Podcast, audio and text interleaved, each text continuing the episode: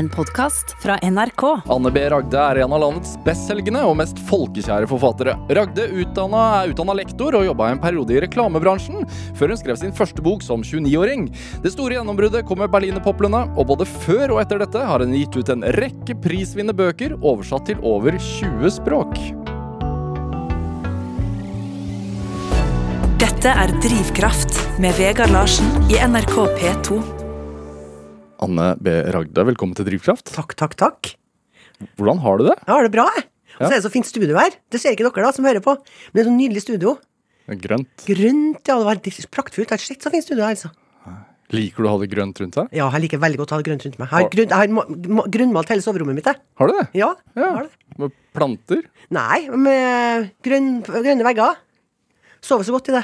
Ja. Grønn er en veldig god farge. Rolige og Derfor det er grunt her, vet du. Du sa, fortalte meg før vi gikk inn her at du sover jo ikke så mye. Jo, jeg sover mye, men jeg våkner midt på natta, og da hører jeg på radio. Da hører jeg på Drivkraft. Hyggelig. det du, hyggelig. sit- du har en spesiell pinn på deg. Ja, Hva er dette her for noe? En Det- stumpet sigarett? ja det er en stumpa sigarett. Det er fra Berliner Ko- Komische Oper i Berlin. Ja. Så har de, en, de har et, Istedenfor å samle rekvisitter i sånne svære lager, sånn som de gjør på vanligvis på teatrene, så har de et utsalg med, med rekvisitter. Ja. Og den her kjøpte jeg på rekvisittutsalget. Så det er en sånn stumpa røyk, da. Men jeg kjøpte den lenge før jeg slutta å røyke, altså. ja. Har hatt den i ti år, jeg. ja hva, hvorfor, hva, hvorfor liker du den så godt? Jeg syns den er så tøff, for at det blinker sånn, eh, sånn krystall på enden, så ser det ut som det er glo. glo. Ja. Tøft. Og så er du hoven i hånda. Ja, jeg, har, jeg vet ikke hva jeg har gjort, det, altså. Hovna opp så gæli. Og så i går var det så vondt at jeg klarte nesten ikke å røre hånda. Nei. Så jeg brukte litt ekstra tid når jeg skulle dusje og klappe meg i dag, da. Jeg bare ei hånd. Men du må sjekke det opp. Nei, jeg orker ikke sjekke opp det. Nei, Når jeg er 64 år, så har du vondt litt her og litt der, og så det, går det over etter noen dager. og Går til legen for det, vet du. Ja, Det er normalt å ha vondt en eller annen plass, da. Ja. Ja. Men du tør det, altså? Tør det, ja? Ja. Jaha. Skal jeg gå til legen for det her, liksom? ja men hoven i hele hånda? Ja, men det går over, det, sjø. og dessuten er jeg jo på Oslo-tur nå, så jeg skal ikke skrive noe. Nei. Nei. Fordi du får jo nesten ikke beveget Jo, Jeg får beveget den tilstrekkelig, ja. Ja. Det er venstrehånda, vet du. Og det lever jeg over, ja. Er du hypokonder? Nei, det er ikke. Nei. kan man velge å være det? Ja, det kan man velge å være, ja. For at da dyrker man seg selv veldig, da. Og det gjør ikke jeg. Nei. For at, sånn som jeg hadde slag for tre år siden, ja, jeg har ikke, jeg har ikke googla hjerneslag én gang, jeg. Jeg har ikke gjort det én gang. Etterpå? Nei, ikke i det hele tatt. Jeg vil ikke vite det. Så jeg er frisk og fin nå. Men fordi at du er redd for eventuelle Nei, ikke redd, jeg bare legger det bak meg. Ja. Det er fortid. Er det Men da du skrev om Anna Nesa og Berlinerpoplene, googla ikke Eller det fantes jo ikke Google da, men eh, gjorde Jo, du det gjorde det. gjorde research på hjerneslag da? Nei, det gjorde ikke jeg da heller. Da bare gjetta jeg meg til alt. Men jeg googla Jeg gjorde masse masse research på Berlinpoplene før første boka. Ja. Og da hadde jeg Google òg.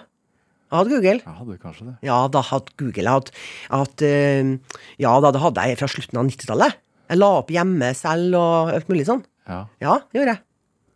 Men jeg gjorde masse research på Berlinpoplene, da. Alle de bøkene. Men tenkte du på Nesov da du fikk hjerneslag? Fordi hun får jo det i starten av Jeg tenkte jeg ikke på i hele tatt. Nei. Jeg tenkte ikke på noe, egentlig. Det var så deilig. For at nå vet jeg at jeg skal dø en dag, da. Og da vet jeg at jeg kommer til å bli revnende likegyldig, rablende likegyldig mann rundt meg, altså. Ja. Jeg ble det. Det var veldig deilig. Hæ. Ikke bry brydde deg ikke om noen ting? Bryr meg ikke om noen ting, jeg. Satt bare i stol på, på sykehuset, og jeg husker bare vagt sånn bruddstykker av de åtte døgnene jeg var der, da. Ja. Husker at jeg gikk til høyre litt, jeg skulle do og sånn. Jeg måtte ha noen to som støtta meg på høyresida, så ikke jeg for til høyre. Ja. Men eh, jeg kom på sånn rehab, da. Jeg var på rehab i seks uker. Det husker jeg veldig godt, da. Men eh, ikke de første åtte døgnene særlig, nei. Huh. Men helt likegyldig, hva. Er det en bra, bra er- erfaring sånn sett? Ja, veldig bra erfaring. Hvorfor det? Nei, for da vet jeg jeg skal dø nå, da. Vet, nå vet jeg at jeg skal dø, for jeg har jo stått med fotene i dødens forgård. Og så vet jeg at, jeg, at det blir ravlende likegyldig for meg. Det er en ganske god erfaring. Ja. Har du vært redd for det noen gang? Redd for å dø? Ja. Nei, jeg er redd for å dø fra. Ja. For at jeg har jo to barnebarn nå som er, betyr veldig, veldig mye for meg. Så jeg er veldig redd for å dø fra noen. For alle andre klarer seg helt like likegyldig uten meg, altså. Like godt uten meg. Men uh, barnebarna mine de betyr veldig mye for meg, og jeg vet at de betyr mye for dem også. Så dem har jeg lyst til å være til stede for, da. En god stund til. Men selv om du ikke har googlet det i ettertid, har du lagt om livet på noe vis? Jeg har slutta å røyke, da. Ja. Slutta å røyke den dagen jeg fikk slaget. Du, hva gjør det med helsen? Jeg vet ikke egentlig, for jeg var, jeg var, jeg var ganske frisk jeg, til forhold til andre som røyker. da. Jeg røyka 30-40 om dagen, da. Ja. Men jeg tålte å røyke, da. vil jeg si da. kan det være derfor jeg fikk slag òg, da. Ja, uff. Men eh, det var ganske deilig å, å slutte å røyke, da, for at jeg hadde tenkt på det en god stund, skjønner du, for at jeg røyker så sært merke. Jeg røyker så sært merke. Hva- Benson Hedges. Jeg, vet, jeg vet- kjenner det er sånn ikke. gold, gold, gullpakke, goldpack. Ja. Og det, det i Oslo er ganske greit, var det ganske greit å få tak i. Ja. Men i Trondheim var det så få som røyka det. Så jeg måtte renne rundt på butikker og kjøpe kartongvis. og sånn. Jeg har vært så lei av å passe på om jeg hadde nok hele tida. Ja. Og jeg tenkte av og til at ah, jeg orker ikke å røyke lenger. jeg. Jeg gidder ikke å røyke lenger, altså. Men hvorfor ikke bytte merke? Jeg prøvde det òg, men jeg fant ikke noen merker som var like gode som Benson Edges. Nei. Så det gikk ikke, det. Hæ. Er du Holder du deg Er du sånn? Du liker å holde deg til én ting? Hvis du har funnet noe du liker? Nei, det, går ikke på det, men røyking er en sånn, en sånn intensiv ting vet du, som du gjør mange repetitive ganger i løpet av dagen. Ja. Og da må det være rette sorten, altså. Har du bytta ut den eh, Hva skal man si, den følelsen med noe? Altså den repetitive Nei, det har ikke jeg gjort. Nei, jeg har ikke det. Har ikke hatt noe behov for det? heller? Nei, jeg har ikke det. Har ikke det. Pussig nok. For jeg tenkte at til å begynne med, vet du, når jeg slutta å røyke innendørs, for det gjorde jeg jo lenge før jeg slutta å røyke, slutta å røyke innendørs, tenkte jeg hvordan skal det gå nå når jeg skal skrive? Og så begynte jeg å ta med meg Mac-en ut på verandaen, da, med skøyteledning og alt mulig. Satt med sånne, sånne pulsvotter og skrev og sånn. Det. Fungerte ikke i det hele tatt, vet du. Og jeg tenkte jeg skal ikke klare å skrive noe mer nå, når jeg, når jeg ikke kan røyke innendørs. Ja. Er bare glemmer å skrive noe mer. Men så tvang jeg meg til det, da. Og da jeg hadde slutta å røyke, så tenkte jeg nå ikke på det i det hele tatt. Og da var det helt greit å skrive uten å røyke. Men er du rutinemenneske? Ja Ja, det kommer an på det. På morgenen er jeg rutinemenneske. Hva vil det si? Nei, på morgenen har jeg- må jeg gjøre ting i rett, riktig rekkefølge. Hva er det? Nei, med dusjing og kaffe og noe med ost og, og gå på do og sånne ting. Så må jeg gjøre ting i riktig rekkefølge. Men resten av dagen kan være hulter til bulter. Ja. Men dagen må begynne på min måte. Og til rett tid. Normal tid. Sakte, eller? Ja, sakte, ja. ja god tid. Og så hjem har jeg avis òg, vet du. Papiravis. Ja. Og da er det så stas, vet du. Hvilken avis holder du? Adresseavisa. Ja. Og den ligger hver dag på dørmatta. Jeg har bodd i leiligheten i seks år, og det er én dag avisa ikke har kommet. Én dag i femte etasje kommer de helt opp med avisa til meg. Lykksalig fryd, altså. Hurra Ja. for Adresseavisa. Hvorfor er du så opptatt av å få med deg lokalnyhetene? Nei, det er ikke bare lokalnyheter, vet du. Nei da, men Nei, det er internasjonale nyheter også. Eget oppslag på det. Så det er det. Men det alt, jeg bor jo midt i byen, vet du. Jeg bodde i Fjordgata, midt i sentrum. Så det er masse ting som skjer rundt meg hele tida. Det bygges og det anlegges, og det skjer ting hele tida som jeg orienterer meg, da. Ja. Følger til avisa. ha. Lokalpatriot. Ja, det er, er ekstrem lokalpatriot. Ja. Trondheim i mitt hjerte, altså. Ja, fordi nå er du på Oslo-tur, men du har ikke lyst til å være her så lenge. Nei, ikke så lenge, nei. Jeg går jo bare rundt i Kvadraturet, da, stort sett, da. Men, eh, men eh, det er Trondheim som er i mitt hjerte, altså. Enda jeg er ikke trønder, vet du. Mora mi var dansk, og faren min er fra Hardanger. Så jeg er jo ikke Jeg er trønder i, i eh, hodet og magen, jeg. Ja. Mm. Men er, det, er du opptatt av det? Hva som er hjemme? Ja, det er jeg veldig opptatt av. Hvorfor det? Nei, for at jeg er sånn Jeg er, veldig, jeg er ikke en sånn reisemenneske, altså. Sånn som mora di var? Ja, hun var jo helt, helt ekstremt motsatt. Hun var ikke opptatt av hjemme i det hele tatt, hun. Mens jeg, for meg er Trondheim hjemme, altså. Det, når, jeg, når jeg lander på Værnes og kommer med bussen, og så ser dere to holmene der som ligger ute på fjorden, og det, hjertet mitt svulmer, altså. Det er så deilig. Hvorfor er det fint med den trygge... Altså, er det en trygghet, eller? Jeg vet ikke, det er bare at der føler jeg meg bekvem sammen med trønderne og sånn. Ja. Det kryr av trøndere, vet du, i Trondheim. Så jeg føler meg så, be, føler meg så bekvem. ja. Hvorfor er du en typisk trønder, tenker du? Nei, jeg er nok veldig typisk trønder. Ja. Vi har ikke noe hierarki i Trondheim, vet du. ikke sånn som i Oslo. Det, det er helt flatt. Flatt struktur. Flatt struktur. Så det er ingen som er mer verdt enn noen andre der. Og det, og det merker du på jovialiteten og alt sånn rundt omkring overalt. På butikker og ute på utesteder. Og, så alle sammen er like mye verdt. Og, og det er en helt det er en veldig deilig følelse, altså. Veldig deilig følelse. Men jeg har jo reist noe, da. Jeg har jo vært på Nordpolen og på kinesiske mur og med helikopter over Bur Khalifa og i, Sud i Dubai og Jeg har vært nok plasser, altså. Svalbard, ja. Svalbard helt siden 84. ja. Ja, jeg har vært nok plasser. ja. For Er det litt sånn at man kom, kommer til et punkt i livet hvor man tenker sånn Ja, ja, jeg har Ja. sett det. Ja, jeg har sett det. Been there, seen it, done it. Ja. Det, men at jeg har ikke noe mot å komme dit igjen, altså. Men det, det at jeg orker ikke å begynne å pakke koffert og styre og bestille billetter. sånn som jeg, når jeg har vært der. Men du hadde jo en gang i tiden i forhold til forfatterskapet ditt en sånn utferdstrang for å gjøre en slags research til bøker du skulle skrive. Ja, men jeg at det er langt for det, sjø. da begynner jeg seg, da. Nei, jeg tenker ikke er noe langt for det. Nei, jeg kan sette meg i, på en benk i parken jeg, ved siden av huset mitt og se på folk. Får masse ideer. Og når jeg reiser, så får jeg jo ideene når jeg er på Værnes og Gardermoen. Og setter meg i en mørk krukke. Jeg må sitte Det er så vanskelig at det blir vanskeligere og vanskeligere for meg å være observatør. For folk glaner på meg. Ja. Kan de ikke la være å glane på meg, så jeg kan få se på dem? Så jeg setter meg i sånne mørke kroker sånn, hvor jeg ser liksom sånn Hva ser du etter da? jeg ser etter hvordan de er kledd, hvordan de beveger seg, og blikket deres, og hvor selvtilliten de har, og hvor travle de er, og hvor reisevant de ser ut, og om de snakker med noen, om de går sammen med noen, og jeg lager meg historier på alle. Ja, ja for det, det trigger historier? Ja. Skriver du de ned når du sitter der, eller Nei, jeg trenger ikke det i hele tatt. Bygge seg inn i helheten, Ja. alle sammen. har du et eksempel? Nei, det går ikke an å ha eksempler på det, da. Ja, på noen du har sett, og, og som du har skrevet? Nei, jeg har skrevet om mange, mange, mange jeg har sett det. Spesielt kvinner. For at jeg er fascinert av kvinner, for at jeg har så lett for å skrive om menn. Da klarer jeg, da bare fantasien går av seg selv. Men når jeg skal skrive om kvinner, så vil jeg gjerne ha noe sånn fast holdepunkt, da. Hvorfor er det sånn? Nei, det er for at jeg er så redd å skrive nært meg sjøl. Det gjelder ikke den siste boka, da, for da er det jo meg sjøl og mamma. Ja. Men når jeg- skal skrive fiksjon, så er jeg så redd for å blande Anne inn i det. For at øhm, hun har ikke noe der å gjøre. Nei. Så da liksom søker jeg research i andre kvinner, da. Mhm. Men i siste boka så er det jo er det jo meg og mamma. Det er alltid sant i den. Alt er sant. Alt er sant. Men det er en roman likevel. Hvorfor er det viktig at det er sant? Nei, det er nå det, da. Jeg har ikke dikta opp noe, jeg. Dette er Drivkraft med Vegard Larsen i NRK P2. Og i dag er eh, forfatter Anne B. Ragde her hos meg i Drivkraft eh, på NRK P2. Så Mutra og meg, som er, eh, er den siste boka di, uh, starter jo med en slags skrivesperre. Ja. Ja, for jeg visste ikke hvordan jeg skulle skrive nå. Har du opplevd det før? Ja, det var en liten skrivesperre jeg skrev om her, da. Men uh, jeg, Jo, men det var jo en slags skrivesperre som Nei, skrive vegring var det. Ja, mer det, Ja, vegring. Ja, du hadde ikke lyst, jeg hadde ikke lyst. Fordi at jeg var jo Jeg skrev jo en roman under covid-tida. Og da var det så deilig, vet du. Det var så deilig å skrive, da, for at da var det jo til et menneske. Ingen som forstyrra meg. Ingenting. Men så tenkte jeg jeg må jo skrive mer. Og så hadde jeg gått og rulla, vet du. Det hadde gått og rulla de romanbrevene baki hodet mitt, da. Reisebrevene fra romanen. Ja, som, du, mamma som, som du og moren din har Ja. skrevet sammen, ja. ja. Og så, men jeg fant ikke noe, fant ikke noe, ram, noe som kunne ramme dem inn ordentlig. Nei, men, men det, det med skrivevegringen Ja, så tenkte jeg jeg skal begynne med det. Skrive, jeg skal begynne å skrive om det. Ja, men Det var forløsningen, men det gikk jo en stund før du fant ut det? gjorde ikke? Ja, ja, det tar den tida det tar. Ja. Jeg går aldri og pusher meg sjøl på tid, nei. Aldri. Hvordan er det når man er vant til å få en Ragde-roman i året, holdt jeg på å si nesten? Altså sånn at Nei, men Det er ikke sikkert det blir i året. Nei. Men eh, For jeg pusher meg aldri på tid. Det går ikke, det. Nei. Det gjør jeg ikke lenger. For at øh, jeg blir sjuk av Jeg har jo hatt blødende mavesår og alt mulig. Jeg har brukket ryggen og alt mulig. For at jeg dytta sånn på tidsskjemaene hele tida. Så det kan ikke jeg gjøre lenger. Det må komme når det kommer. Hvorfor har du vært sånn at du har pushet på tiden da? Før? For at jeg skal ha en bok i året. Ja, Hvorfor var det viktig?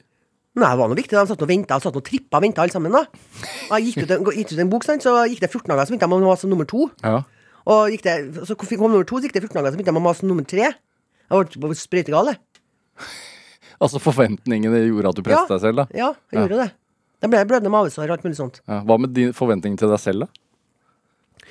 Nei, det vet ikke jeg noe om, egentlig. For det, det, er- det er så vant til å ha det. For jeg har skrevet så mange år, vet du. Så det er nok der, den er nok der, den òg. Ja. Men uh, Hva handler den om, tror du? Den handler om drivkraft, tror jeg. Faktisk. Ja. Det at jeg skal pushe meg sjøl til å bli ferdig. Jeg begynner aldri på noe uten at jeg vet at jeg kommer til å bli ferdig med det. Jeg er ikke en sånn som går fra ting halvveis. Med noe? Nei, ikke med noe, altså. Jeg, jeg, hvis jeg begynner på noe, så fullfører jeg det. For at jeg vet på forhånd om jeg kommer til å fullføre eller ikke. Og hvis jeg ser at det er noe som jeg noen, Hvis noen spør kan du gjøre det og det Nei, jeg kan ikke det, sier. For da vet jeg at jeg kommer ikke til å gidde å gjøre det ferdig. Nei. Og da lar jeg være å begynne, for jeg kaster ikke bort tida på det. Huh. Så, så drivkraften min er å bli ferdig med det. Ja. Så det handler om tid, da, rett og slett? Nei, ikke om tid. Innsats.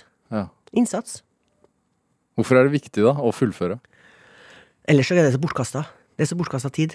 For når du først har kommet i gang, da, og holdt på med ting i tre måneder, så må du fullføre, selvfølgelig. Ellers har du du vrak. Du tråkker på de tre månedene du har brukt allerede. Tråkker jo på dem, da.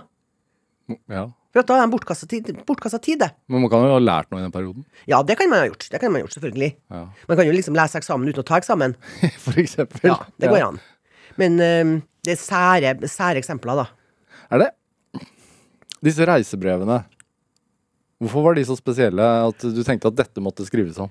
Nei, vet du, egentlig så er de ikke så spesielle, vet du, for de, de, vi skrev dem jo samme kvelden på denne turen til Oman, og det var jo så surrealistisk og psykedelisk det vi var med på. For at mamma hadde aldri vært der før heller. Og vi var ikke noe, det var ikke noe charterreise her, altså. Mamma hadde lagt opp hele turen, hun. og, og jeg tenkte at det her må vi bare skrive om, altså, for å huske på det alt sammen. Og så sender vi til alle vennene våre som har mail. Og, og så er det skrevet helt sånn rett frem, sånn som De, de er helt originale, altså. Så de har ikke prøvd å pusse på eller gjort finere eller noe som helst. Og derfor så virker de så naturlig. Og det håper jeg leserne nå skjønner at de er Det er helt reelt, altså. Sånn som de ble skrevet den gangen. Og så representerer de vel også et sånt godt øyeblikk? Ja, det var den beste turen jeg og mamma hadde noen gang. Beste turen. Desidert beste turen. Hva var det som gjorde den så fin? da? Nei, det var at mamma hadde ikke vært der før ruller. Så hun ble ikke en sånn eh, guide som skulle liksom vise meg alt mulig, da. Og at det, hvis, du har en, hvis du reiser med noen som skal være guide, som har vært der før og så, Du må bli med der, for det er så fint der. Og det verste jeg vet, altså. Når du henger etter som en sånn lam i bånd, liksom, og skal Å ja, det var fint, ja. Ja, det var fint, ja. ja se der, det blir å være så nydelig her, så. Ja, det var fint, ja. Jeg orker ikke. Nei. Så mamma hadde ikke vært i Oman før. Oman av veldig ting, vet du. Så vi var helt sånn årvåken begge to. Hvorfor ble du med? Nei, det var for at jeg sa det til henne når hun lå på intensiven. Våkna på intensiven og skifta hjerteklaft nummer to. Og så var det første jeg sa, det var 'Nå kommer jeg meg aldri til Oman'. Gud, tenkte jeg. Hva sa, hva sa hun nå, sa jeg til søstera mi. Kommer seg ikke til Oman? Hva snakker hun om nå? Og så har jeg hatt med Jemen eller noe sånt til deg. Rablende galskap, vet du. Ja, det skal til Oman, sa jeg. Så ringte jeg etter noen dager, da. Og hørte, lurte på om jeg hadde hørt feil, da. Ja. Nei, vi skal vel til Oman, altså. Og da begynte hun å printe ut hjem, vet du. Og du hadde sagt det, så da måtte du gjennomføre Ja, jeg måtte gjennomføre det. Og da hater jeg varme. Så vi måtte dra i januar, da. Ja. Og da var hun levelig der. Mellom 25 og 30, da. Men Mora di koste seg, da. Ja, hun stor stormkosa seg. Hvordan? Det er jo, det er jo fjerde gang du skriver om, om mora di. Ja. Det blir flere òg. Ja, tror du det? Nei, jeg Du vet ikke. Jeg skriver vet. jo nå av siste gang. Ja, jeg skrev det, ja. Ja. Men uh, vi får se. Hvorfor, er, hvorfor er hun blitt en gjennomgangsfigur? Nei, for hun er artig å skrive om, vet du, for hun er så mangefasettert. Ja. Og så er det Hun er begge deler hele tida. Hun er til å stole på, så er jeg ikke til å stole på. Hun er blid, og så er jeg ikke blir veldig deprimert. Og så er jeg, hun har så dobbelthet, dobbelthet i seg. Hun er ikke sånn som meg som er glad hele tida. Sånn, nei. Det er ikke noe å skrive om. Men hun, hun var så, hun var så, så var Søstera mi pleier å si at hun, hun stoppa ved utviklinga si på tolvårsstadiet. Og det stemmer nok. Hun hadde en veldig høy IQ. Veldig høy IQ. Og så hadde hun null på EQ. Så, så den kombinasjonen der, vet du, den er vanvittig, den. Det, du har et barn som har en voksen hjerne, sant? Så det var, hun var veldig, veldig spesiell, altså. Hvordan opplever man det når hun skal være mor? Nei, hun, var, hun fikk ikke til å være mor. Hun ordna med hele klær til oss, og vaska. Og vaska var spyttshina i leiligheten bestandig. Og laga mat. Og ordna jul til oss, og alt mulig sånt som meg. Men hun hadde oss aldri på fanget og kosa med oss, eller noe sånt. Nei. Eva gjorde det til søstera mi til jeg var fem år, da, for at Eva var veldig mye syk. Hun var dødssyk veldig mye. Fikk sånn ekstrem høy feber i løpet av noen sekunder. Så kunne jeg fått drithøy temperatur. Ja. Og doktoren doktor satt hjemme og våka over henne til å komme gjennom kritisk fase 50 av morgenen. Og, og så var jeg helt tipp på topp dagen etterpå. Sånn. Og så sa hun at hun kommer til å vokse seg her når jeg er fem år. Så når hun ble fem år, så sa mamma OK, nå er du ferdig. Da var, da var Eva ferdig. da var jeg ferdig med kosing og pussing. Men er det en slags sånn graving i hvorfor og hvordan? Nei, det er ikke det. Jeg aksepterer sånn som jeg var. Ja. Ja. Kunne ikke gjøre om på hun jeg. Umulig, det. Men hun hadde kommet til å likt at jeg jeg skrev om henne, da. Selv om jeg skrev negative ting, altså. Hvordan preget det deg, da? Vet du, Det, det spørsmålet får jeg av og til, men jeg vet ikke. For at, eh, jeg hadde ikke noe sammenligningsgrunnlag. Nei. Man Men, hva- har ikke det. Når man er voksen, så har man det. Men, men jeg er jo blitt helt motsatt av mamma. ja. Helt motsatt. Hvordan da? Nei, mamma var pessimist. Og jeg er jo blitt optimist. Og det sussa vi òg. Ja, Du sa jo akkurat til meg før vi skulle inn her at når dere skal flytte fra NRK, flytte NRK-bygget, så kommer det halvparten til å bli sagt opp, sa du. Ja, det sa jeg. Det blir Tre, trekvart kommer til å bli sagt opp. Det kommer til å bli stygt der og alt mulig. Kommer ikke til å klare å lage noe eget på ti år. Nei, klassisk optimist. Ja, klass, ja, men det er realist, det. For at jeg ser på dansk radio. Ja. Der gjorde de det sånn. Ja. Ja. Hva var det første minnet ditt av moren din? Nei, det var når jeg kom hjem fra Hardanger og sånn. Jeg brukte å være i Hardanger fra jeg var fire år. Hva gjorde du der? Nei, Jeg var til farmora mi. To måneder per år. Hvert år. Og det husker jeg kom hjem, da. Husker jeg en mamma i sånn hvit ka kappe. Det er første minnet mitt. Ja. Men uh, Gledet du deg til å komme hjem? nei. Jeg ville ikke hjem i det hele tatt, jeg. Ville vært farmor. For farmor var vanlig mamma, vet du. Så, og så var det på gård, sant, med alle dyrene og alt mulig som skjer på en gård. Det var en drøm for et barn, vet du. En drøm, og så en hund der som jeg var så glad i. Og. Ja. Så det var en annen kom hjem til blokkleilighet, ja. En spartansk blokkleilighet. Er det spartansk blokkleilighet? Hvor spartansk? Veldig spartansk. Vi var, leiligheten er på 77 kvadrat, og så var det to soverom, og dem leide vi ut til hybler. Så vi sov på stua. På noen madrasser på gulvet og sånn. Og så hadde mamma tre dagbarn i tillegg. Nå tenkte jeg, da. Ja. En leilighet på 77. Og det var ikke tøybleier den gangen. Nei, det var bare tøybleier den gangen. Det var ikke noe med papirbleier. Tre stykker som ikke bleier. Og utedo. Nei, utedo i blokk, nei. Nei, nei, nei. Hadde du ikke det? Nei, ikke, nei, ikke i blokka, nei. Når var det hadde hadde det, da? Nei, det var etterpå, det. Det var i Kongesgata, det. Ja. Mamma flytta til Kongesgata. Ja. Da hadde vi utedo. Flytta vi fra lekkert bad til utedo. Det med den At dere ikke hadde så mye. Mamma solgte unna det meste, sjø. Ja. Det var veldig dårlig på økonomi. Veldig dårlig på økonomi. Det skriver jeg om i boka også. ja. At jeg måtte eh, holde orden på regningene og sånn. Bli tidlig voksen. Ja, bli tidlig voksen. Så eh, jeg mista jo en del av barndommen min der, da. Men eh, jeg fikk jo et forhold til økonomi som jeg har beholdt siden. Alle har hatt noe trøbbel med økonomi. jeg. Betaler alltid regningene mine først, så ser jeg hva jeg kan bruke etterpå. Mm. Så mm, det lærte jeg da, fra jeg var åtte år, tror jeg. Mm. Lærte jeg det. Mamma hadde ikke snøre peiling på økonomi. Hele livet sitt hadde ikke det. Hva var oppgavene dine økonomisk sett som åtteåring? Det var å holde unna penger som mamma trodde vi hadde mindre. Ellers gikk hun og kjøpte seg pariserloff og italiensk salat og sånn. Tenkte ikke på når vi skulle få nye penger og sånn. Så vi levde jo på sosialtrygd da. Ja. Så det var ganske spartansk, kan man si. Ble du stigmatisert? Nei, jeg vil ikke si det, nei. Jeg ble ikke det, mamma ble det, ja. Men jeg ble ikke det, eller eh, søstera mi ble ikke det. Vi var, var og og var vi. Ja. Hva, men hvem var du, da? Bortsett fra at du måtte ta tidlig ansvar? Vi, vi vokste opp i en blokk, vet du, ble krydd av unger. Ja. Vi, vi sprang i flokk hele tida, vi. Vi gikk aldri vanlig ute. Vi sprang hele tida. Og, og vi hadde fotballkamper og alt mulig. Vi leka hele tida. Så det var veldig fin oppvekst for barn, altså. Var du positiv og, og ekstrovert allerede da? Jeg var ikke så ekstrovert, nei, men jeg var veldig positiv, ja. Og Eva, fikk meg, Eva var fem år yngre enn meg, da. Hun kom og fikk, fikk meg til å banke opp alle mulige, vet du, for hun kom og sa at den har banka meg, og Anne har banka meg, og Berit har banka meg, og, og for jeg banka dem tilbake, da. Uten at de hadde banka Eva, da. Så det var jo litt sånn som er som krig. Det var litt krig, da. Er det Altså, du, sk du skriver jo Ymi fra meg om at uh, moren din brøt båndene til sin egen mor. Ja. Uh, men du fikk brev Ja. fra mormor. Ja. Det var lange brev, for hun la ut i vide og brede om hvor syk jeg hadde vært da. Var sånn, hun var hypokonder. Hun var hypokonder, altså. Ja.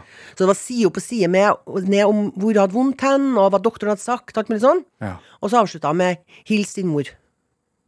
Gjorde du det, da? Ja, det gjorde jeg, men jeg var, det var jo et helvete når jeg fikk brev fra henne. For da måtte jeg gå på rommet og lese det, for mutter'n var sur da, for at jeg hadde fått brev. Og, 14? ja, 14, ja. Og så det leste jeg på rommet, og så sa jeg, jeg, stakk jeg hodet ut og sa 'hils deg fra mormor'. Så lukka jeg døra på full fart. Hæ. For det, hun likte ikke det. Hm. Men hun ga meg jo brevet, da. Hun holdt ikke det unna, da. Det med Du må jo ha stilt deg noen spørsmål da allerede som barn i forhold til dette her. Fordi du, ja, men også, du skriver jo om dette her i Arsenikktårnet. Ja. Men da var jeg jo voksen. Ja. Da var jeg voksen med barn selv. Men jeg stilte ikke noe spørsmål med det da jeg var liten. Nei, det var bare sånn, det. Du aksepterer alt når du er barn, vet du. Og det som er så fælt når du tenker på barn nå, da, som har behov for, eh, for hjelp utenfra. De skjønner ikke selv at de har behov for hjelp. De skjønner ikke at de skal be om hjelp, de skjønner ikke at de skal fortelle noen om hvordan de har det. Fordi at man aksepterer virkeligheten sånn som den er når man er barn. Og det er det som er så forferdelig. Det er derfor det er så vanskelig å hjelpe barn som ikke sier noe selv. For at de skjønner ikke det. De skjønner det hvis de blir slått, kanskje. Men ikke alltid da heller. Ikke alltid da heller. Hvis, I hvert fall ikke hvis de har fått følelsen av at de fortjener å bli slått. Når skjønte du at du hadde en annerledes oppvekst? da?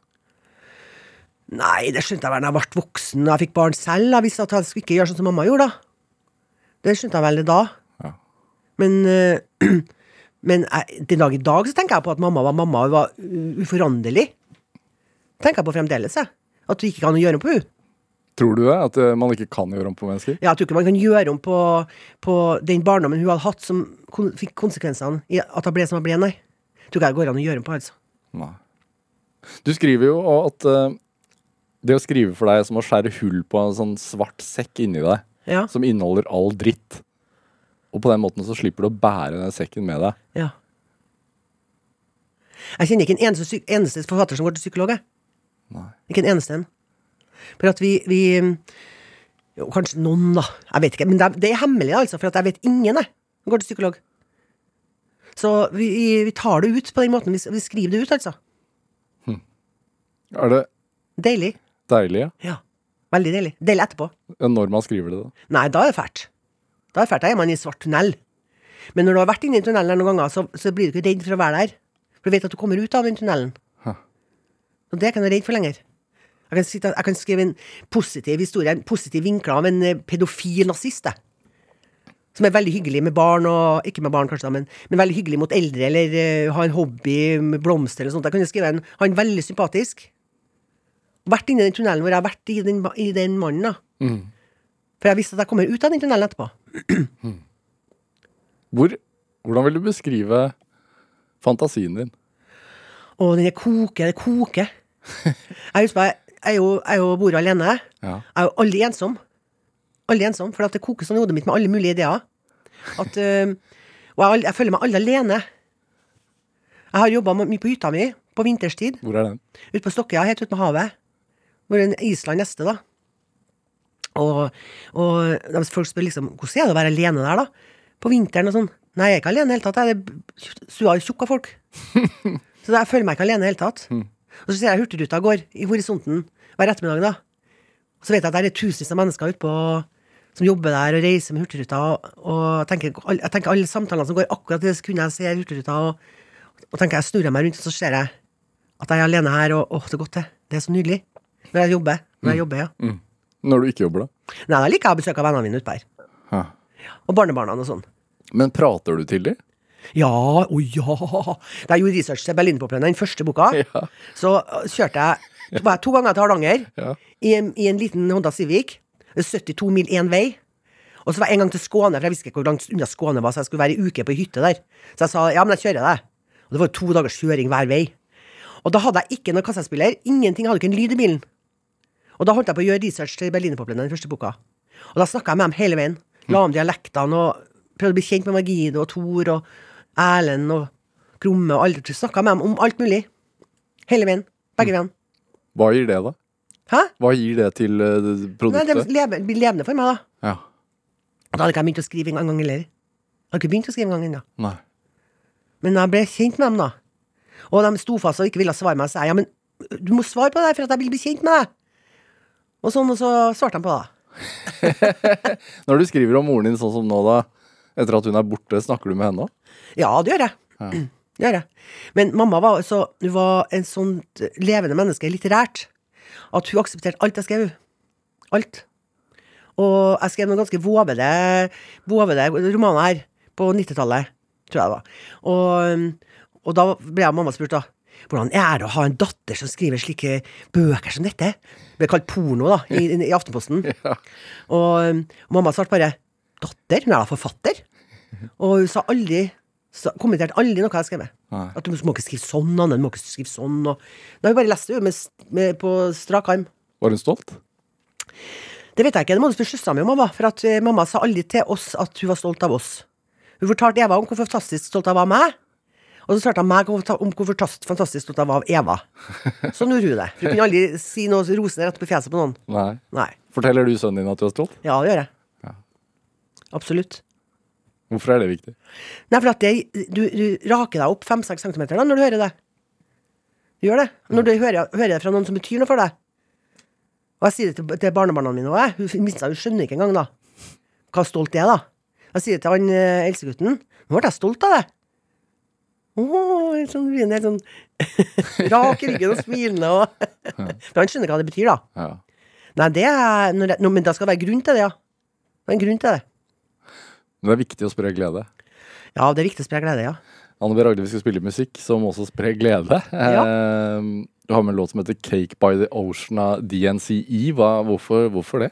Jo, for den, Første gangen jeg hørte den, så tenkte jeg Å, den skal jeg ha i begravelsen min. tenkte jeg Så skrev jeg den opp inni ei bok jeg har. Hvor jeg skriver opp sånne låter som jeg hører. da Og, og nå, nå skal, har jeg funnet noen andre, skal ha i begravelsen heller, da. Men da, da tenkte jeg Men jeg første gangen jeg hørte den, så tenkte jeg den er perfekt begravelsessang. Hvorfor det? Nei, for den er så glad. Ja. Den er så glad. Hæ. Man skal feire. Ja, skal feire, da. Skal vi høre? Ja. Må ikke se for oss deg i en kiste, da. Nei, jo, det kan du godt gjøre.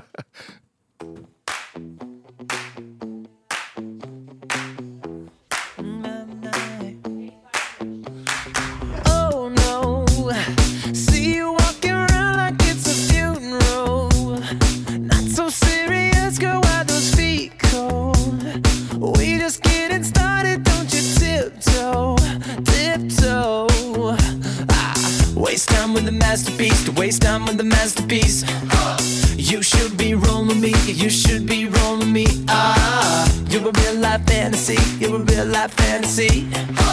But you're moving so carefully. Let's start living dangerously. Talk to me, baby.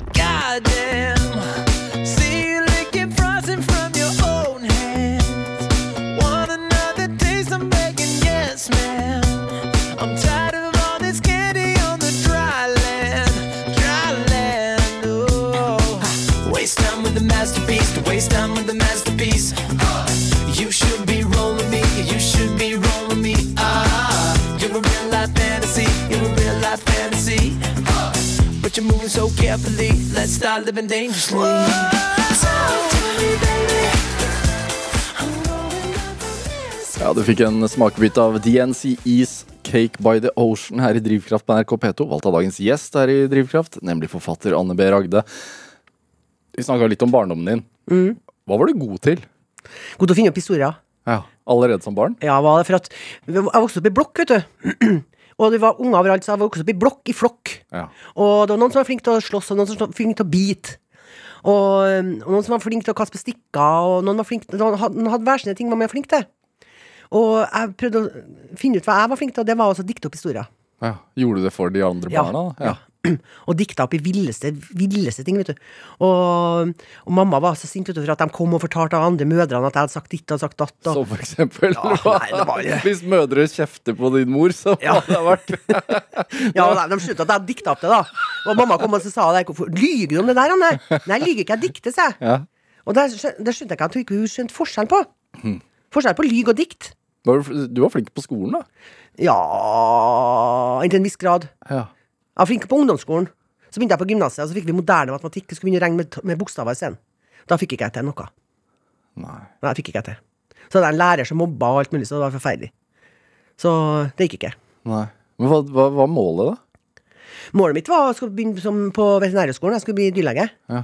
Men det gikk jo ikke når ikke jeg fikk til Fordi at Hardanger og bondegård og sånn, eller? Ja, jeg skal bli bonde, bondeveterinær, ja.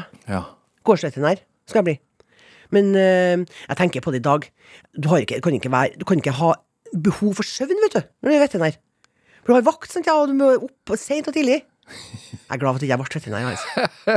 Nei, men du ble jo hva skal man si, spesialist på massekommunikasjon i stedet. Ja da, men det ble. Men det ble ikke noe, svake, helt samme, da. Men jeg fikk jo skrevet om Jeg har jo skrevet om dyr, da. Ja, det har du gjort.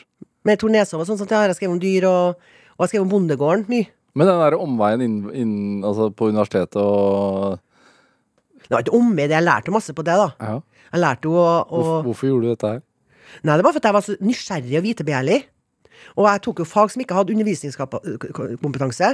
Så jeg, jeg visste jo ikke hva jeg, hva jeg skulle bli, vet du. Jeg bare tok fag som interesserte meg. Fonetikk og lingvistikk. Var, så foreleste jeg i fonetikk da en stund. To og et halvt år. Ja. Du var i reklamebransjen etter hvert. Ja, etter hvert i rekla- reklamebransjen. Ja, for jeg fikk tilbud om en sånn eh, En sånn jobb oppe her som var altså, latterlig dårlig betalt. Vet du. Latterlig dårlig betalt. Da tenkte jeg her, her er ikke noe framtid, altså. Nei. Det er ikke noe framtid på universitetet. Da begynte jeg å sjekke litt rundt, og så fikk jeg meg jobb i reklamebyrå. Tekstforfatter. Ja, og da var jeg der i tre og et halvt år, og levde på den grønne gren økonomisk. Men hadde du ganske tidlig sansen for å sitte og skrive, da? Ja, men tekstforfatter var jo litt annerledes, da. For vi jobba med veldig tunge kunder. Vi jobba med bil og, og, og oljeboring og sånn. Det var ikke noe sånn klær og luftig og solo og sånn, altså. Det var veldig tunge ting, så vi måtte jobbe veldig hardt med det. Svære brosjyrer og og Målgruppe kanskje var boresjefen på plattformen, da, så det var veldig tunge ting å gå inn i. Ja. Så det var ikke så mye skriving, det var mest research. Hva lærte du? Research. Ja. Og, og lærte at det handler om å finne fram til det mennesket som kan noe mer enn deg. Og så ring til det mennesket og forklare det, og så få vite det. Bruker du det i dag også? Ja, når jeg gjør research, ja. Ja. Ja, ja, ja. Jeg sitter ikke på nettet bare og gjør research. jeg. Jeg reiser rundt og drar rundt og snakker med folk og vil oppleve det selv, da. Så det lærte jeg veldig mye om. ja. I allerede da. Men fordi du skri, i, i Mutter og meg så skriver du om Altså det å debutere som forfatter, Ja. og veien dit. Ja. Uh, ja, det var en tung vei. ja, det virker i hvert fall som om det var mye drivkraft eh, der. Ja, det var drivkraften var der, for jeg visste jo det at jeg skulle bli forfatter, da. Ja. Hvorfor var du så overbevist om det? Fordi at jeg hadde skrevet barnebøker. Um, Ja, men veien dit Men du skrev barnebok først bare for sønnen din? Ja. For, og så ble den antatt da, av Cappelen. Men så tenkte jeg jeg har lyst til å skrive en roman. Skrev en roman som alle ble utgitt. Ja. Men da oppdaga jeg den lykken ved å skrive en hel bok. da Oppdaga jeg helt sånn pussig. Altså, var en utrolig tilfredsstillelse å skrive en hel bok. Hva er, hva, hvorfor er det en lykke? Nei, jeg, opplever alle fasene av det. Tidlig fase når du er liksom forelska, og, og så dybdefasen når du går helt i dyp, dypet, og den tunnelfølelsen, og kom ut av det igjen, og, og så ble den aldri antatt, da. Da var jeg veldig sur, da. At han aldri ble antatt. Men jeg gjemte jo på manuset lenge. Hvilken bok var det? Nei, den het enten eller. Ble aldri ut, utgitt. Og jeg var så lykkelig. Nå, etterpå så ble jeg så veldig glad for at den ikke ble utgitt. Har du det nå? Nei, jeg kasta det for lenge siden. Hæ. Men uh, Hvorfor det? Nei, for det var elendig. Men komposisjonen var veldig bra. Ja. Komposisjonen var bra. For at det hadde vi vært på, jeg hadde vært på kurs og lært meg om komposisjon og dramatisk komposisjon og sånn. Så det var anslag og presentasjon og dybde og så spenningsnivåene på slutten.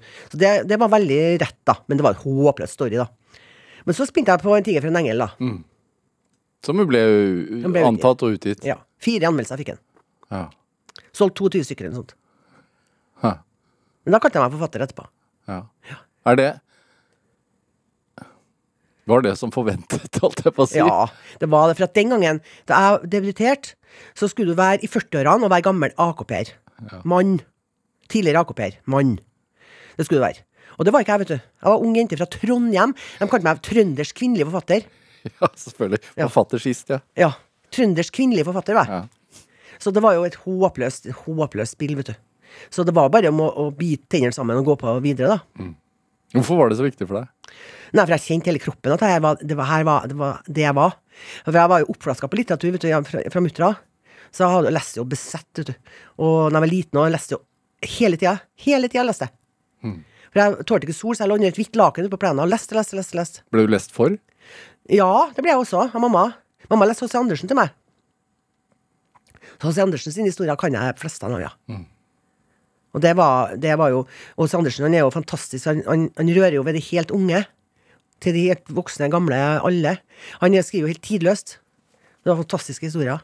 Så, og det å altså få H.C. Andersen lest opp høyt for seg i hele barndommen, det var veldig, veldig bra. Leste du på dansk eller norsk, da? Mamma leste på dansk, ja. Ja. Jeg har, den har samlede hjemme også på dansk. Hvorfor tror du hun likte å lese så godt? Nei, hun elsker H.C. Andersen, hun òg. Alle i Danmark elsker H.C. Andersen. Og så har du en, en, en sånn samlede verk H.C. Andersen som gis til alle i dåpsgave. Alle småbarn får det. En blå hvis det er en gutt, og en rød hvis det er en jente.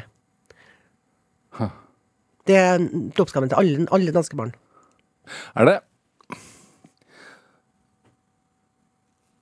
Er det den historiefortelleren som måtte ut? Er det det? Ja, jeg tror det, jeg tror det ja. For at jeg begynte så tidlig òg, vet du, med å fortelle historier til vennene mine og, og sånn. og Vet du hva som skjedde på vei til skolen i dag, da? Det kom en fyr, og så bare å, De stivna rundt meg hele gjengen, vet du. Så hadde jeg dem i min hule hånd. Og det, det, det jeg, vil, jeg, vil at, jeg vil ha leserne i, sin, i min hule hånd, altså. Og det er det jeg håper på her bestandig da, når jeg skriver. At de, At de skal slippe alt annet de har, og bare lese. det er viktigere enn skriveprosessen? Det er det, er det, Ja, det er det som er målet mitt, altså. Ja, hvorfor det? Nei, for da har jeg oppnådd det jeg ville. Og du sa jo selv at du hadde ligget ved siden av toåringen din i går kveld og lest og lest og lest. Og, og, og, og når, hvis du hadde sagt at jeg bare slutta etter Da da da hadde jeg blitt veldig lei meg, sant? Ja. Men når jeg hører at du, du ville lese videre, Ja. da jeg skal videre, videre, videre. Det er det jeg vil. Hvordan legger du opp til det? Det vet jeg ikke. Det, går, det er intuitivt. Intuitivt. Jeg jobber veldig veldig mye med teksten for å få den til å bli liggende på et sølvfat for leseren. Og det kan virke enkelt, men det er ikke enkelt, Så, Så jeg jobber veldig mye med teksten. Er det sånn tidligere, altså, Går du tilbake og redigerer, eller skriver du Ja. Jeg skriver gjennom først. Ja. Hele? Ja, hele. Ja. Og da bryr jeg meg ikke om komma og sånn, alt mulig sånn som er. Hvor lang tid kan du bruke på en Månedsvis. Månedsvis, månedsvis. ja. Veit du da plott, eh, altså slutten, eller har Ja, du Ja. Jeg vet slutten. Til en viss grad vet jeg slutten. Men øh, sånn som slutten her, den kom helt av seg sjøl. Mm. Da tenkte jeg herregud, den slutter her, tenkte jeg. Åh, og en tirsdag. Og jeg tenkte Holy mother og macaroni slutter jo her, tenkte jeg. Da fikk jeg helt sjokk, jeg. Men eh, da, da Det kom veldig brått på meg, da. Men uh, jeg vet hvor jeg skal hen. Jeg vet hvor jeg skal hen. Jeg vet hvor jeg vil hen. Men uh, jeg skriver ganske Jeg stryker veldig mye, da. ja. Mange forfattere beskriver det å skrive som pinefullt. Ja, det er pinefullt når jeg er Men det er jo ikke, jeg får ikke til å sammenligne det heller med noe, vet du, for at jeg er jo midt i det, da.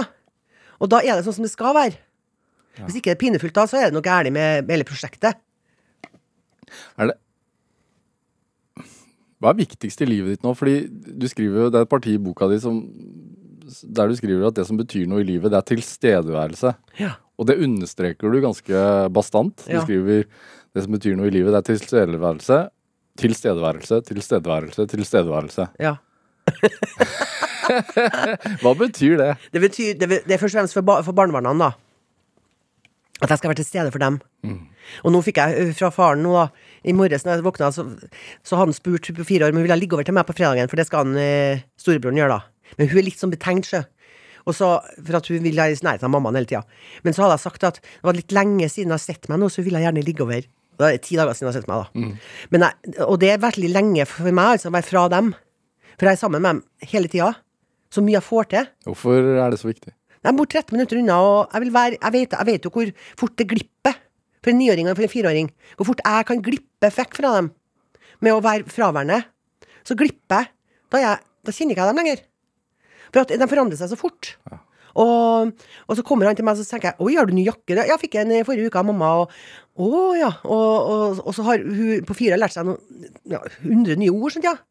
Som ikke jeg har fått med meg. På ti, nå har det gått ti dager, og når hun kommer på meg på fredagen, så har jeg sikkert helt andre ord som vi bruker. Ja. Sist da jeg var sammen med mamma, så var det faktisk.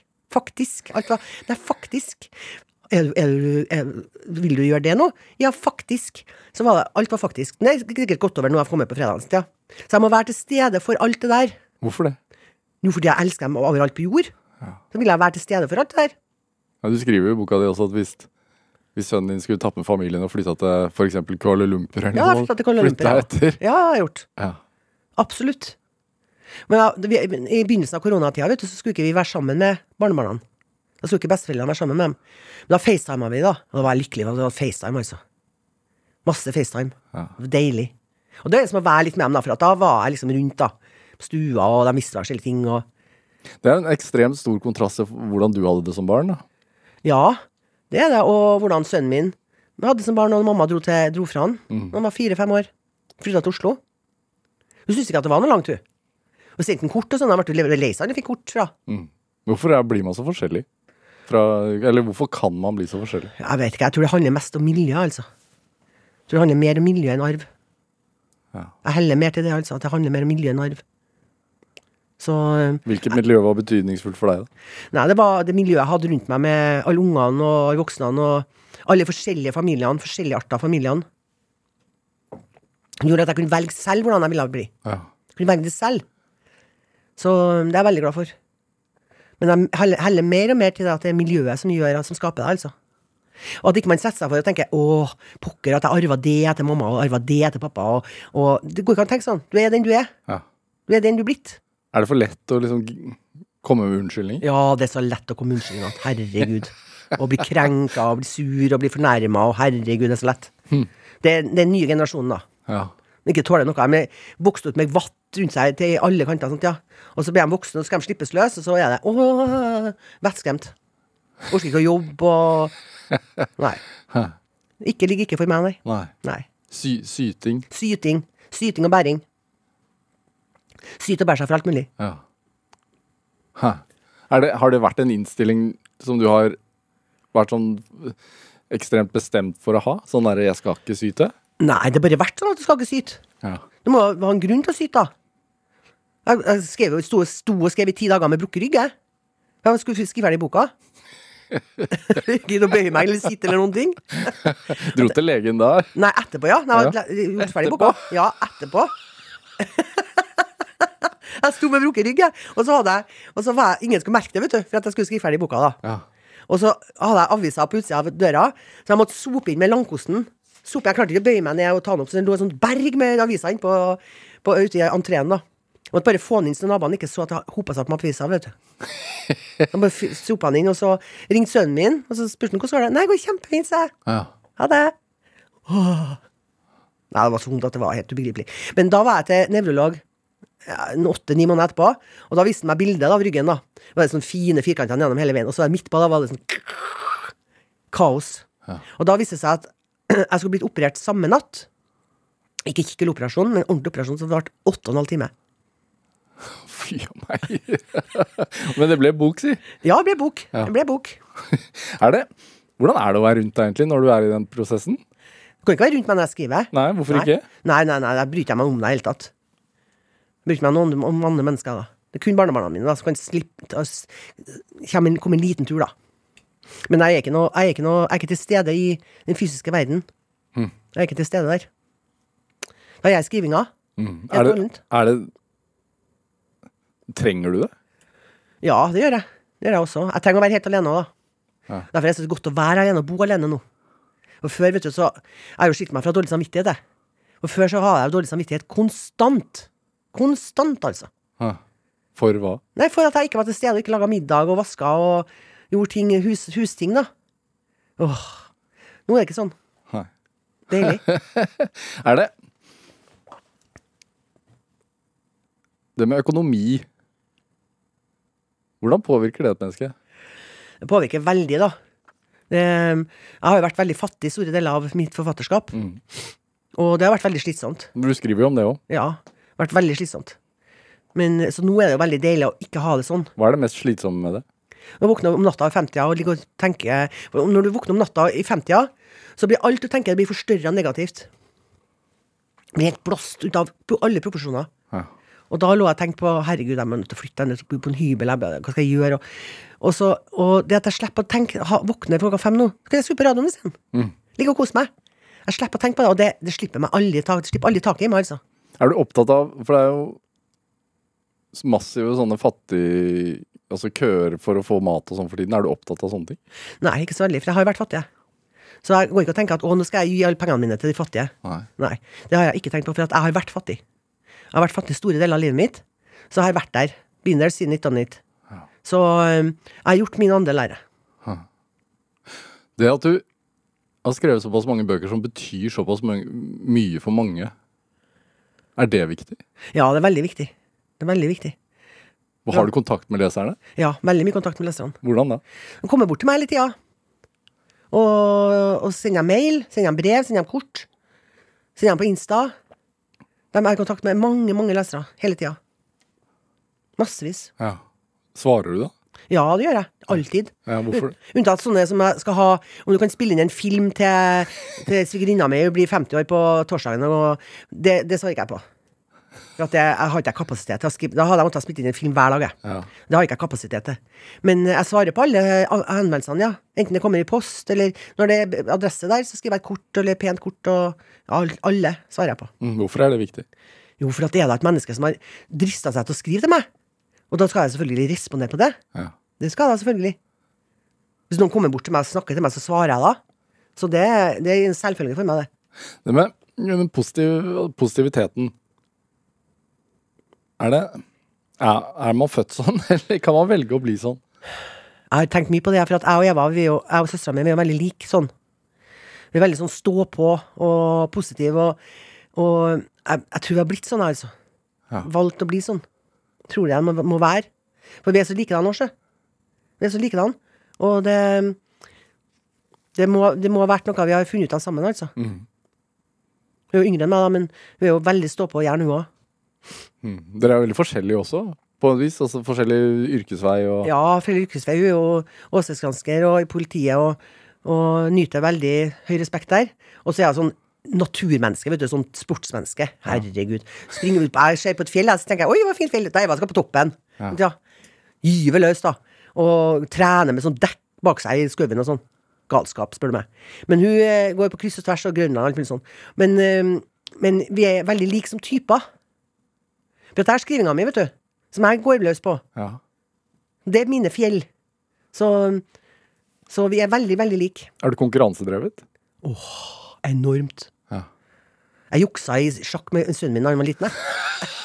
Da jeg gikk på do, så flytta jeg om på Jo, jeg gjorde det! Nei. Juksa i kort og alt, jeg. Jeg måtte vinne, jeg måtte vinne! og han snakker om, han snakker om den ennå. Det er så pinlig når han begynner å snakke om det, altså. Ja. Men, hvordan arter det seg i dag? Nei, jeg angrer veldig, da. angrer veldig. Nei, Dypt og inderlig. jo, på det, ja, men hvordan arter den konkurranse Å ja, sånn, ja. konkurranseinstinktet seg i dag? Nei, det jeg vet ikke så mye konkurranse, egentlig, da, men jeg var jo med på Forræder, da. Men da tenkte jeg jeg kom ikke til å vinne i hele tatt, vet du, for jeg syntes det var så artig å være der. Jeg. Hvorfor var du med på det? Du har jo ikke vært med på særlig med sånne reality-konsepter. Nei, det var fordi at det var bare 14 dager. Ja. Derfor, derfor kunne jeg være med. Jeg har blitt spurt om å være med på alt. Jeg skal vi danse på is og jeg, Farmen og alt mulig. Alt mulig har jeg blitt spurt om. Ja. Men jeg må slutte å spørre litt nå, da, for jeg er blitt gammel nå. da. 64 år. Men det der var jo et sånn psykologisk spill, da. Sant, ja? Og så varte det bare 14 dager. Ja. Og da kunne jeg si ja. For 14 dager kunne jeg til nød være borte hjemmefra, da. Så um, Hva interesserte deg med psykologien bak det hele? Nei, det var fascinerende, ja. Men trodde- jeg trodde alle var, all var eh, forrædere, vet du. Absolutt alle som én, unntatt Emil. Ja, kort fortalt så handla det om en gruppe folk som var samla, Altså, Ja, TV 2, da. ja, var det tre av de som Tre var, tre var forrædere. og resten var lojale. Ja. Maks tre kunne det være. Det kunne være to også. Ja. Men det det var veldig morsomt, da. Og jeg klarte ikke å ta det på alvor. Jeg, vet du, jeg, jeg, jeg bare kosa meg sånn som en stein om natta. Og Hva tar du på alvor? det er skrivinga mi. Og så mennesker rundt meg. Følelsene til menneskene rundt meg. Ja. Ikke, begynner, ikke, sånn, ikke, sånn, ikke sånn sipping. Det orker ikke jeg. Sånn, å, jeg er så deprimert. Ja, du er ikke deprimert, du vet ikke hva depresjon er. Man kan, man kan ikke ringe til deg hvis man har en tung dag. Jo, det kan han. Ja. Men da må du også forvente at jeg kommer med løsninger veldig fort. Det er, det er fælt å gjøre, altså. Det må jeg ta meg, ta meg sjøl i nakken for ikke å gjøre. Når jeg har venner som har problemer, så setter de seg ned til meg og skal fortelle om problemene, og begynner de en gang å si løsningene. Ja, men du kan gjøre det, du kan gjøre det, du kan gjøre det. Og så er det at de vil bare egentlig få tømt hjertet sitt, sant? ja. Bruke meg som containerkapasitet. Og så begynner jeg med løsninger med en gang, vet du. Og jeg, sånn at jeg er blitt flinkere nå, at jeg bare mm, knepper igjen. Ikke si noe. Mm, mm, mm. Nikke, da, og prøve å holde kjeften min. ja. Det med uh, at du fikk skrevet ut 'Mutter av meg' nå, og at du begynte heller med sånn skrivevegring, Ja. har det vært forløsende? ja, det vil jeg si at det har vært, ja, det har vært veldig forløsende å skrive den boka, jeg, altså. Ja. Det har vært veldig fint. Veldig fint har det vært. For at det har vært så Jeg kunne bygge inn i mamma alle Hele, hele bredden av følelser. Hva lærte du, da? Nei, det vet ikke jeg om jeg har lært. Jeg kom jo på masse ting da om henne. Så jeg kom jo nærmere, da. Men det har jeg sagt før, og det skrev jeg Snikktårnet. Og jeg skrev om henne fra jeg var liten. Eh, så tenkte jeg, når jeg var ferdig å skrive, så tenkte jeg at jeg kommer aldri til å klare å være sint på mamma noe mer. Når jeg gikk 14 dager, så var jeg like forbanna på henne, vet du. Så det Hva med nå, da? Nei, ikke forbanna på henne jeg er jo død. Går ikke rundt og er forbanna på henne nå, da. Har det vært viktig å komme nærmere? Jeg vet ikke om jeg har kommet så mye nærmere, men jeg har forstått litt mer av henne, da. Men øhm, Nei, jeg er ikke kommet noe nærmere. Hun lot seg ikke, hun lot seg ikke tilnærme, hun. Gjorde ikke det. Er det derfor du ikke klarer å la det ligge? Du må liksom vende tilbake Det til kan det? godt være derfor, ja. Ja. Får ikke svarene? Nei, får ikke svarene. De må pirke i materien hele tida. Ja. ja. Er det Hva skal man si? For, uh, forbannelsen ved å være forfatter? Ja, det er nok forbannelsen med å være forfatter, at du, du, du må pirke alt hele tida. Pirke med en pinne. Rote opp, og se hva som kommer opp. Plutselig er det fullt av larver nedi her, plutselig er det blomstrer det, og så Det er forbannelsen, det, ja. Men uh, jeg får jo aldri hvilt meg, vet du. Eneste jeg får hvilt hodet mitt, er når jeg drikker alkohol. Ja. Da får jeg hvilt hodet mitt. Så når jeg er i skrivefase sånn, så, så når jeg sover Jeg våkner jo, vet du, med ei penn i hånda og skriver opp på lapp på, lapp på nattbordet, og, og det er jo jeg, jeg drømmer jo setninger. Ja. Jeg kan våkne opp og tenke at det var feil adjektiv jeg brukte den setningen der. Det er helt håpløst, vet du. Hvordan er det i hodet ellers? Nei, ganske rolig hode nå, da. Nå er det ganske rolig hode. Men det ruller og går, for at jeg det, det ruller og går bakerst. Ja. Bakerst koke, kokeplate. Ja. Gjør det, altså. Det virker som du har evnen til å ta inn Ja, mye på en gang. ja det gjør jeg. Ja. Når er det du baker sånn tusjkake? Jeg har allerede bakt den. Ja, så det. Men jeg har ikke pynta den ennå, for det skjer for lille julaften. Ja, ok. Da pyntes den. Ja, du lager marsipankake med, Nei, det må ikke marsipankake. Det er engelsk fruktkake Ja, med marsipanlokk. ja, med sprittusj. Ja, og så striper jeg opp med sprittusj etterpå. Ja. Ja. Så det, og det der vokste sånn oppsikt, altså. Det der, jeg var sånn pause, sånn Norge Rundt, eh, sånn mellomstikk da, Norge Rundt-innslagene. Og så laga jeg den kaka der, og det etsa seg inn i hjernen på folk, altså. For at jeg sa at eh, jeg bruker vanlig tusj, da. ja. Med kreftfremkallende. Men du, ikke, du får ikke kreft av å spise to centimeter med den tusjstreken der. Nei, så blir det så pent. Ja. Ja. Anne B. Ragde, hva er drivkraften din? Det å fullføre. Bli ferdig med ting. Få gjort det sånn, sånn, sånn, sånn at jeg ser det for meg. Ja, og nå har vi fullført denne timen. Ja. Tviler ikke et sekund. Tusen takk for at du kom til Drivkraft. Bare hyggelig. Hør eh, flere samtaler i Drivkraft på nrk.no eller i appen NRK Radio. Send oss gjerne ris eller ros og tips til mennesker som du mener har drivkraft. Send den e-posten til drivkraft.krøllalfa.nrk.no. Vi hører veldig gjerne fra deg. Produsent i dag det var Ellen Foss Sørensen, mens Camilla Bolling Muir bidro med research til denne sendingen. Dette var Drivkraft. Jeg heter eh, Vega Larsen. Vi høres. En podkast fra NRK. Liv er 42 år og singel. Fader fuckings rulleren. Jeg er så drittlei av å være aleine. Hun har alltid ønsket seg å bli mamma. For, for meg er det på en måte egentlig ikke noe alternativ. Hun har det travelt. Fortalte mamma. Jeg vurderer å få barn alene. Vil hun lykkes? Eller er det for sent? Det er jo utrolig stas å dele at man er gravid. Men hvis det da skulle gå gærent, liksom Livs siste sjanse hører du først i appen NRK Radio.